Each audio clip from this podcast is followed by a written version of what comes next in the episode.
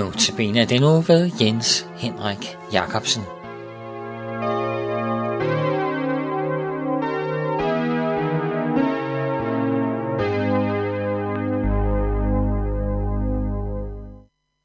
God aften.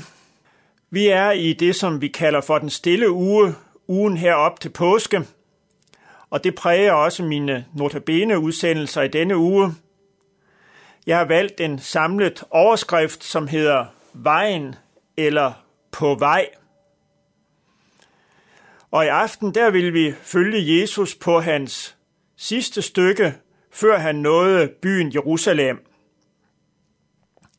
Han er nået til landsbyerne Betania og Betfage, og nu skal han ned af Oliebjerget for så at gå ind af, gennem en af byportene til Jerusalem. Og det sidste stykke vej fra byerne Betania eller Betfage og på vejen ned ad Oliebjerget, der valgte Jesus at ride. Og vi vil læse fra Lukas evangeliet kapitel 19 fra vers 28 om Jesus sidste stykke på vejen ind til Jerusalem. Efter at have sagt det, gik han videre på sin vej op mod Jerusalem.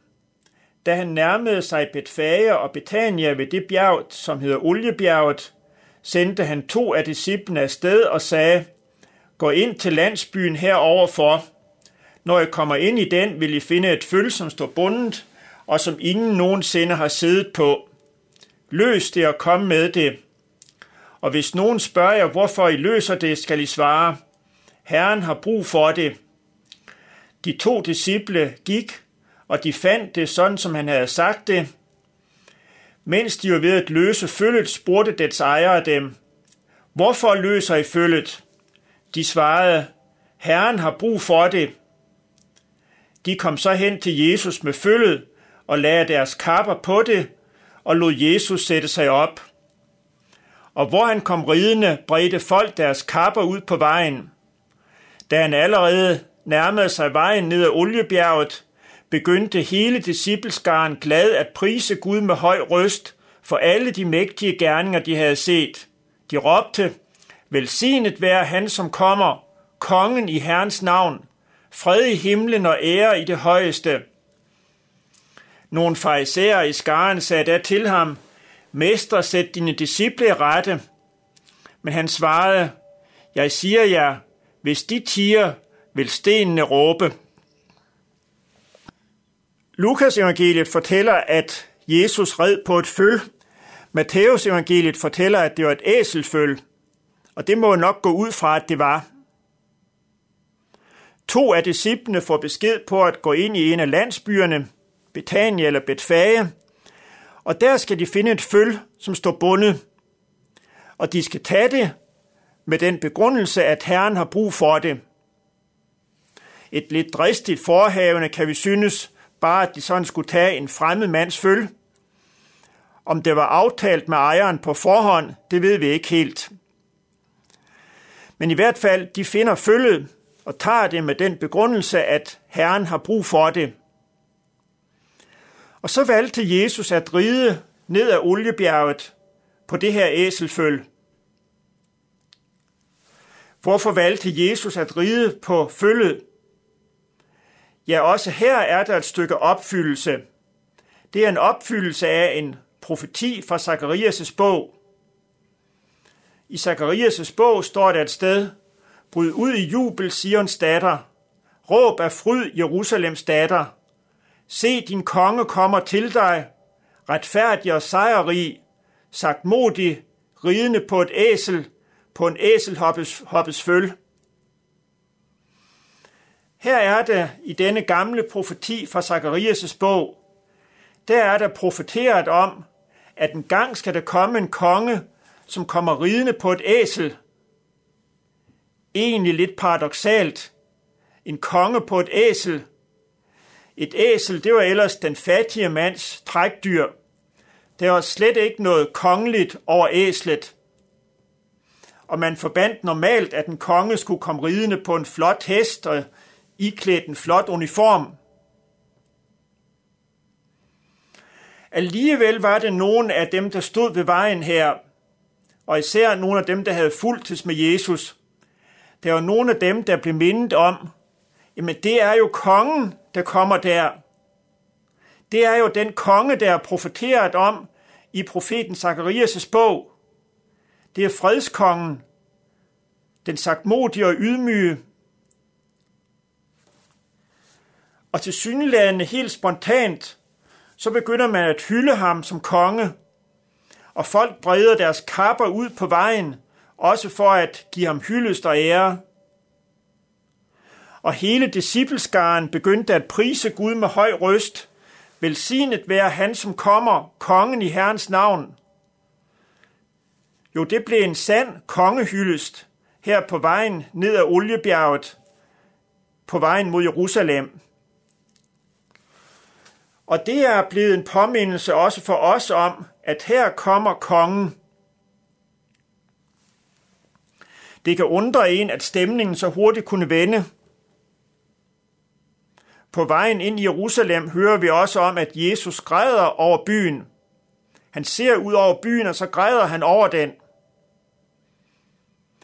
Og det er vel også noget af kærlighedens gråd. Jeg vil godt læse fra videre fra vers 41 i kapitel 19 hos Lukas.